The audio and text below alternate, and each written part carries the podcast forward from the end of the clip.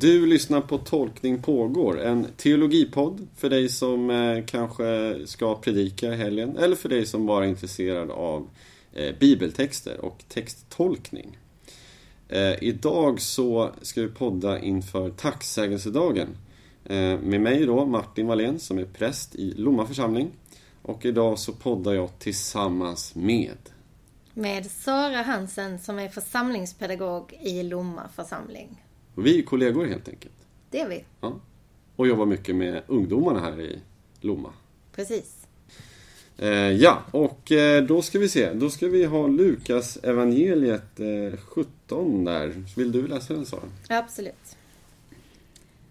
Under sin vandring mot Jerusalem följde Jesus gränsen mellan Samarien och Galileen. När han var på väg in i en by kom tio spetälska emot honom. De stannade på avstånd och ropade Jesus, Mästare, förbarma dig över oss. Då sa han till dem Gå och visa upp er för prästerna. Och medan de var på väg dit blev de rena. En av dem vände tillbaka när han såg att han hade blivit frisk. Med hög röst prisade han Gud och kastade sig till marken vid Jesu fötter och tackade honom. Han var samarier. Jesus frågade, blev inte alla tio rena? Var är de nio andra? Är det bara den här främlingen som har vänt tillbaka för att ge Gud ära? Och han sa till mannen, stig upp och gå, din tro har hjälpt dig. Vad fastnade du för i den här texten? Eller den här dagen? Jag fastnar för hur, hur enkelt, hur billigt och hur lätt det är att tacka för saker. Fast också att det är väldigt svårt. Och jag tror att vi behöver öva oss i att tacka. Vad fastnar du för? Ja, ja, men jag tänkte också just på tacksamhet. Att eh, Man kan ju säga mycket om texten, men, men också att eh, för mig är liksom tacksamhet det största temat i mina böner. Alltså det, och det har nog varit en väldigt stark kraft för mig i att eh, ja, men både kanske få en starkare gudsrelation men också för mig själv och min, att, att vara ödmjuk inför livet, inför allt som händer. Eh, och, eh, och också kanske en riktning, att jag liksom, ja, att man, det är så mycket att vara tacksam för. Och som du säger, så är det väldigt lätt att vara tacksam för mycket. Men det är också svårt kanske. Alltså det finns någon dubbelhet i det. Men jag tror att du är inne på någonting viktigt när du säger en riktning i tacket. För har vi någonstans att rikta tacket så blir det också lättare att tacka tror jag. Ehm, ja, var läste jag det? Men jag läste någonstans någon som hade fått barn och som liksom skulle försöka uttrycka den här enorma glädjen och kärleken inför det här nya barnet. Och det, det finns ju inget större och jag kan känna igen det. Vad kan vara lyckligare än just den stunden när man har blivit förälder? vad gör jag av all den stora tacksamheten som jag känner? Och den här personen som jag läste om någonstans sa liksom att jag vet inte vart jag ska rikta mitt tack. Mm. Men att kanske med en tro har du någonstans att rikta den. Mm. Just det. Just det. Ja, för man kan, ju, man kan ju tacka varandra såklart, eller människan bredvid eller så. Men det blir någonting annat kanske. I, till, ja. Ja, för just att, att visa uppskattning och tacka de du eh, umgås med, dina vänner, din familj, dina kollegor. Det kan ju kännas, det tror jag är lätt för många. Men, men tacksamheten för ett nyfött barn eller, eller eh, ja, men årstidernas skiftningar, om vi nu pratar tacksägelse liksom. Mm. Ehm, ja, för livet, Ja. för alltså, mat på bordet. Ja, men för, precis. ja. ringa upp din närmsta bonde, det hade ju för sig också varit kul. ja, just det. Tack för att du tar hand om fälten. Just det. Ja, man ska tacka alla rapsfältodlare, tänker Mm. jag spontant på då, när man bor i Skåne. Ja. Ja. Det, jag tjatar ju ofta om att jag tror att vi behöver öva oss i att be. Och att den som ber Det är lite som att spela gitarr och lära någon som aldrig hållit i en gitarr. Det är skitsvårt. Det går, man glömmer så fort för att fingrarna gör som man vill. Men om man då vänder på gitarren, både att den är upp och ner och att du ska hålla med andra handen, det är skitsvårt. Och precis så svårt är det ju att be för den som inte kan be. Nu är vi tysta en stund och ber. Hjälp, vad ska jag säga nu? Just det. Vad, vad, vad tänker alla andra nu? Vad ber de? Vad är rätt? Vad är fel? Vad får jag lov att be om?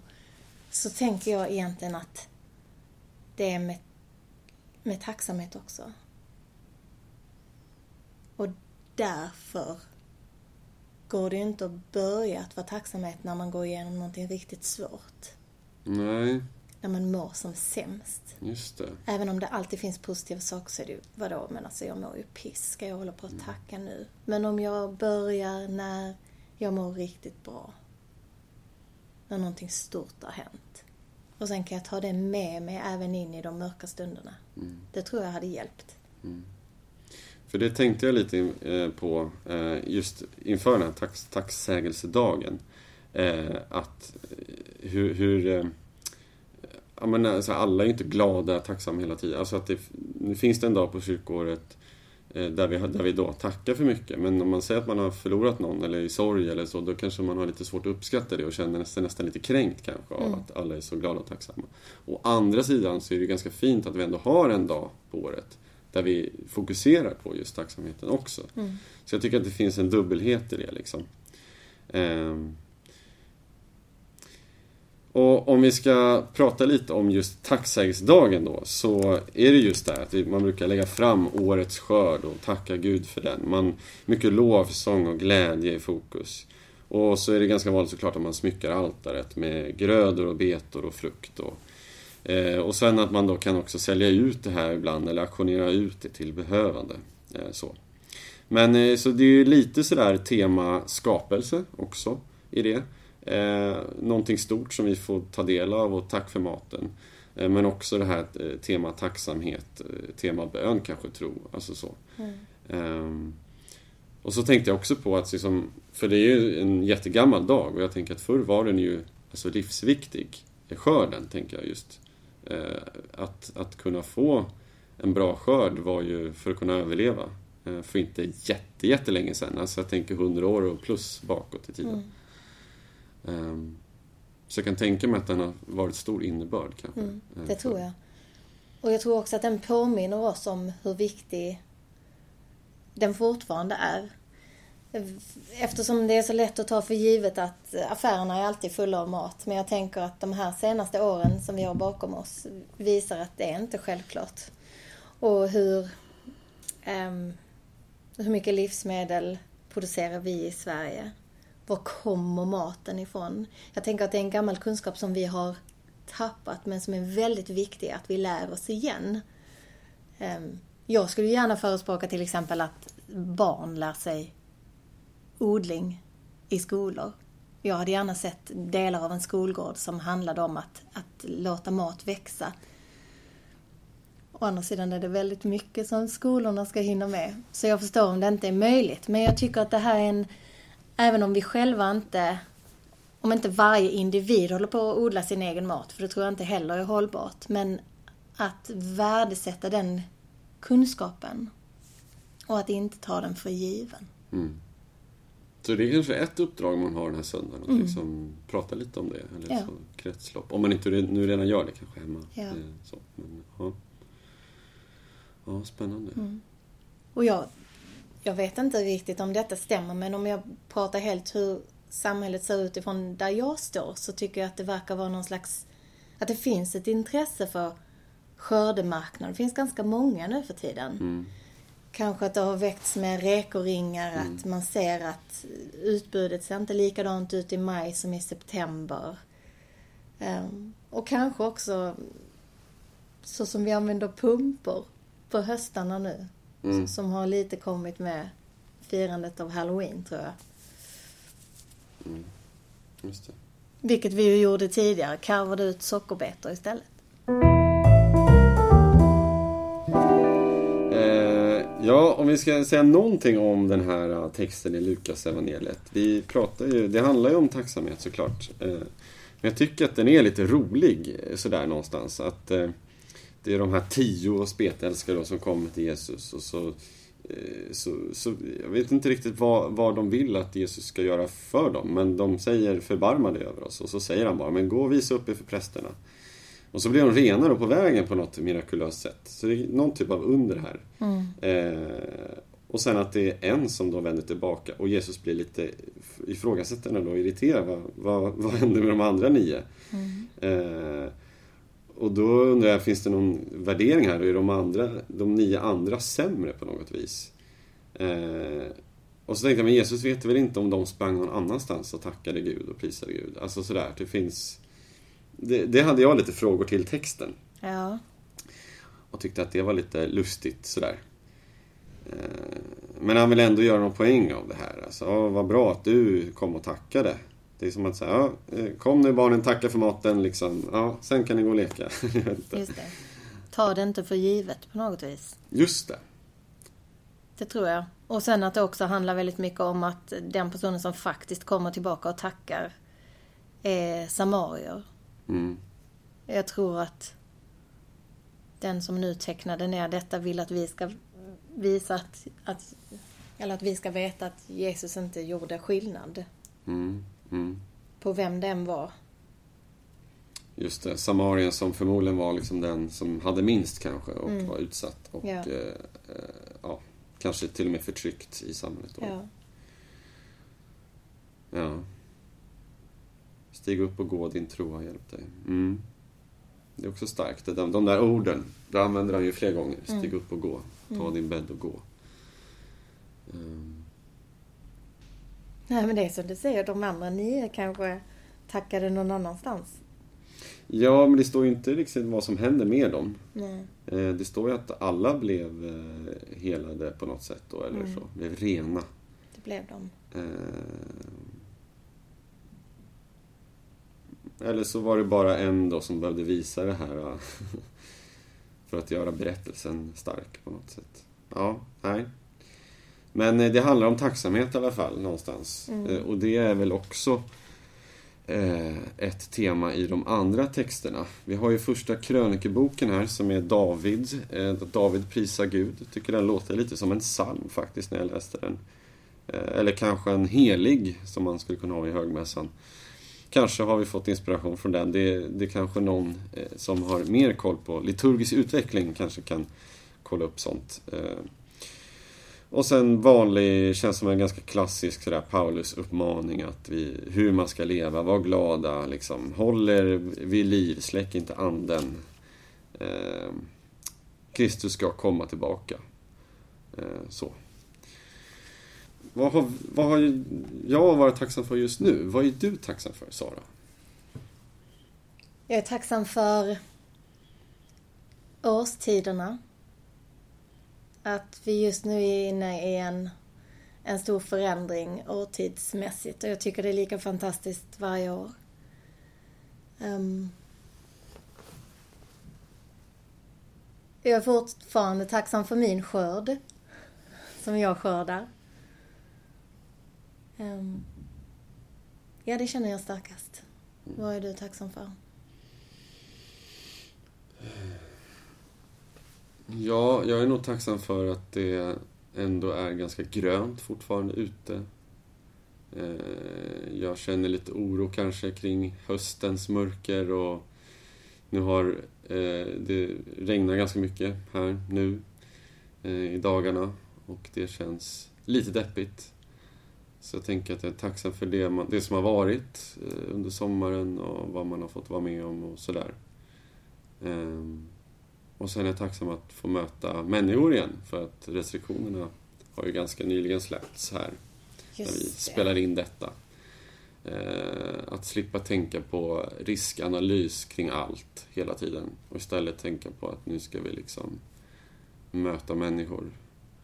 Och samtidigt så är man också kvar i det här. Jag är en, en av dem tror jag som känner lite liksom, jaha, vadå, är pandemin över? Det är den ju inte liksom. Nej. Men nu ska vi helt plötsligt slä, släppa på allt. och så är man lite obekväm ändå. Man har lite så här, en bubbla omkring sig för hur nära man vill ha främlingar. Alltså det, man känner, det var någon som sa det på radion, hörde jag. Ehm, just att, ja men eh, jag vill gärna gå ut med mina vänner och jag vill liksom äta middag och ha det trevligt. Men främlingar vill jag inte ha nära på mig på ett eh, dansgolv eller alltså där det är mycket folk liksom. Så hur man håller ihop det. Och jag antar att det kanske kommer ta en stund innan man, innan man vänjer sig. Men vi är ju också vanedjur så vi kommer ju att vänja oss med det såklart. Mm. Och så får vi bara hoppas och be att det inte blir någon, någon värre nu då, igen. Att det kommer någon annan... Jag vet inte ens vilken våg vi är på. Fjärde våg kanske? Femte? Fjärde? Jag tänkte tredje. ja, det beror nog på. Ja. Ja.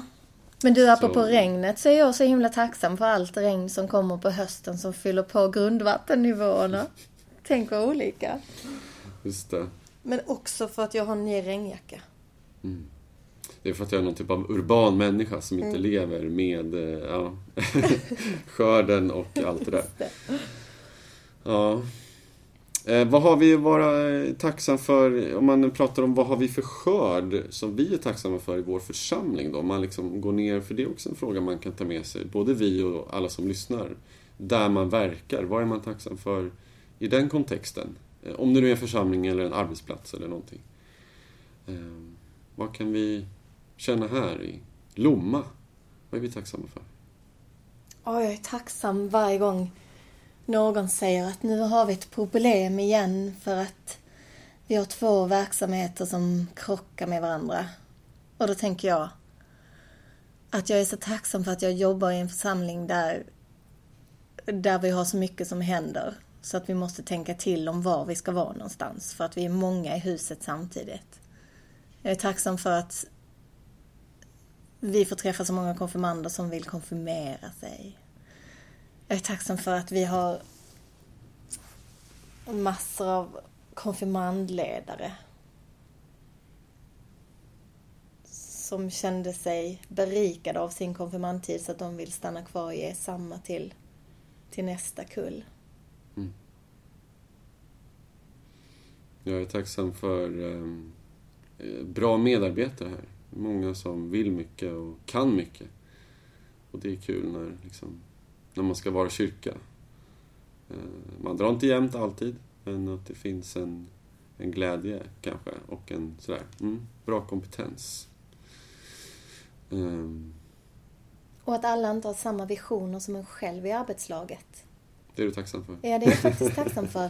För att det betyder ju att vi har fler visioner Just det. än bara en. Mm. Tänk att det är du brinner för, säger du till mig, och så har inte jag ens tänkt på det. Men då kan jag vara med och jobba fram den i alla fall. På samma sätt som du kan backa mig liksom. Ja, och då, det är klart att det är en, en del av mig som blir jätteglad när du är så här positiv och entusiastisk. men jag tror också en del, och kanske många med mig, känner att Öh, vad jobbigt att vi liksom har lokalbokningar och vi vill olika saker och allt det där. Eh, så det kanske, det här är en del av den svåra tacksamheten, kanske. Men det blir ju kanske, det, eller det får du lägga ut texten kring, men det kanske blir lättare att arbeta då. Eller det blir en, om man har den inställningen till Eh, Jag vet att det finns en, en eh, i, eh, något, i Det är aldrig kört, någon bok där. Just det här att jag, jag är tacksam för att jag får städa efter en fest, för det betyder att jag har vänner. Jag är tacksam för ja, massa sådana där olika meningar för situationer som kanske utåt sett ser jobbiga ut. Men om man tänker ett steg längre så finns det någon, alltså anledningen till att det hände är just att det kanske ändå är någonting fint och någonting bra. Ja, jag tror det är så jag tänker om det där med dubbelbokningar liksom. Mm. Jag är så tacksam att, att det finns två verksamheter fulla av deltagare som vill vara här. Som vill vara med och göra kyrka med oss. Ehm, och det som du var inne på innan med eh, många kompetenser i arbetslaget. Det är också därför våra visioner kan se olika ut, tror jag. Och det är därför vi behöver olika kompetenser. Det är därför som, som vi har både präster, diakoner, musiker, pedagoger. Det är därför vi har eh, någon som sitter på expeditionen, någon som betalar ut löner, därför att alla de människorna behövs. Mm. Med sin kompetens. Mm. Hade alla varit som jag hade det blivit jättejobbigt. Ja.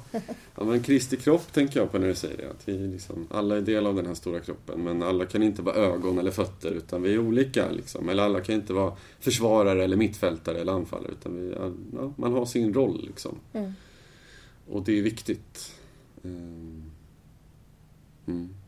Och det som du säger nu tror jag är någonting som vi ehm, skulle bli bättre i att boosta barn i. Då tänker jag små barn, alltså upp till lågstadiet typ. Som så enkelt ser till sina kompisars olikheter eller sina egna olikheter gentemot kompisarna. Det är inget konstigt. Ja, Martin han är så. Ja, men Sara hon är så. Och sen är de accepterade precis som de är. Och sen någonstans, ju äldre vi blir, så ska vi skalas av eller formas in i någonting och vara så väldigt lika varandra. Och jag tycker inte att vi behöver vara det. Självklart ska vi kunna samarbeta. ehm, Men vi behöver inte vara lika. Utan det, det är barn väldigt bra på, tycker jag. Och det ska man vara tacksam över. Mm. Att vi är olika. Ju. Verkligen. Annars kommer man inte framåt riktigt. Nej. Vill du säga något om lovsång, tänker jag? Det kan vi göra. Lovsång, ja. Precis. Ehm, det finns ju otroligt många salmer som eh, uttrycker lovsång. Eh, både i eh, vår psalmbok, i de första 700 eh, och de sista 100 och även då salmer och låtar som går utanför det. Där det finns många traditioner i, i kyrkan ju som har lovsång som väldigt stark eh, tradition. Eh, så. Ehm, och det har man ju liksom fått vara med om, ta, eller jag, jag har fått ta del av det eh, då vissa låtar sådär där, där man liksom sjunger om, om och om igen, man bygger upp och bygger upp och bygger upp och sen blir det liksom eh, klimax och så här. Kanske som Anders Slarv skulle uttrycka, lite mer frikyrklig liksom, eh, lovsång i det. Ehm, och sen har vi ju, det är ju, det är ju fantastiskt med Lawson, om jag får säga så. Eh, jag tycker det är härligt. Det är ofta så såklart när man jobbar med ungdomar och konfirmander att man har mycket eh, sådana låtar och sånger för det tilltalar kanske den gruppen ofta. Ehm. Men, eh, ja, eller vad tänker du kring Lawson? Nej, jag vet inte vad jag tänker, men bland annat så tänker jag att det är ett pedagogiskt knep, just det som du beskriver, att det är någonting som går om och om och om igen. Ehm, För att jag tänker att när, när du sitter och är väldigt koncentrerad på, sjunger jag rätt? Är det så här den låter? Jag är inte bra på att läsa noter. Ehm, Så blir det inte så mycket lovsång, utan det blir mer teknik och tankar på att behöva göra rätt. Men när, när du kan och när det har satt sig i kroppen och du bara kan släppa ut det, det är då det kan bli riktig lovsång då, tänker jag. Just det. Just det, precis. Det är en viktig poäng att det, det handlar ju inte så mycket om... Det vet jag att det var en församlingspedagog till mig som sa när jag var ungdomsledare, eller sa till oss kanske som någon typ av ledarfortbildning. Att så här, men hörni, sång, psalmer i kyrkan handlar inte om att sjunga rätt. Det handlar om att sjunga från hjärtat. Liksom. Ehm, och jag tänker på så här lägbåls, liksom gitarren. Eller så här. Man bara sjunger för, för att det är kul, av glädje, hjärta och tacksamhet. Då. Ehm, inte för att man ska sätta perfekta noter liksom, Nej. eller en körsats. Utan så. Ehm, och jag kan tänka mig, nu har jag ju gjort en musikalisk resa genom mitt liv. Från att inte kunna musik när jag var liten, från att jag spelade gitarr och till att börja sjunga lite och sjunga kör och nu då och som präst också. Ehm, Men jag tror att man också kan vara lite rädd för när man öppnar upp en psalmbok till exempel och ser bara uh, massa tecken och, och hur gör man och alltså sådär. Eh, Så det är verkligen en poäng. ju. Och där vi då som kanske när vi sjunger med barn och ungdomar, men även vuxna, vi ska inte glömma bort dem, att vi kan välja med eftertanke. Och inte heller vara rädda för att sjunga em, samma flera gånger. Därför att det blir bekant och, och människan kan släppa på någon slags prestation eller inlärning. Mm. Och kanske skulle vi vara bättre på att säga det också. Det viktigaste är vad du sjunger från hjärtat. Mm.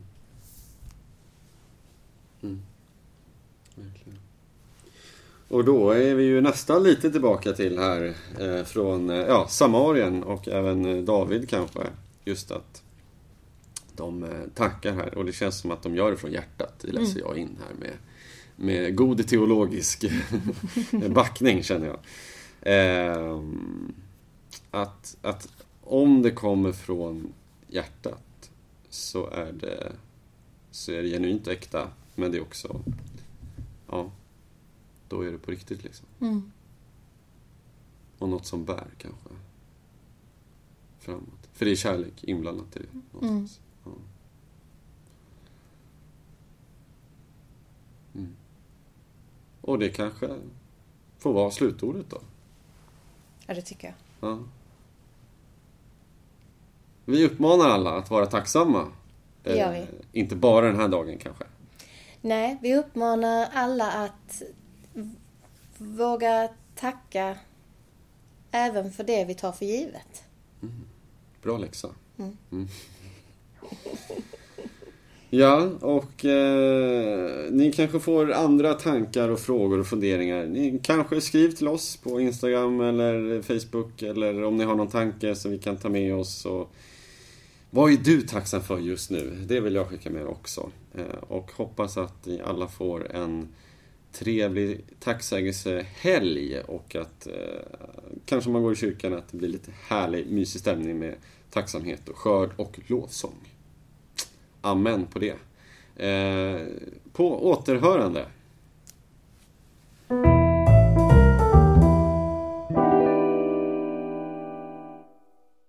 Du har lyssnat på Tolkning pågår, en teologipodd i samtalsform.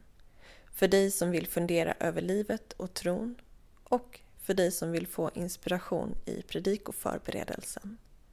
Tack för att du har lyssnat. Och tack till alla er som gillar och delar våra avsnitt på Facebook och som på andra sätt berättar om den här podden för andra. Om du vill lyssna på fler avsnitt så finns vi där poddar finns och på vår hemsida som du hittar om du googlar Tolkning pågår. Och om du har tankar om podden så hör gärna av dig till oss på vår Facebook-sida. På återhörande.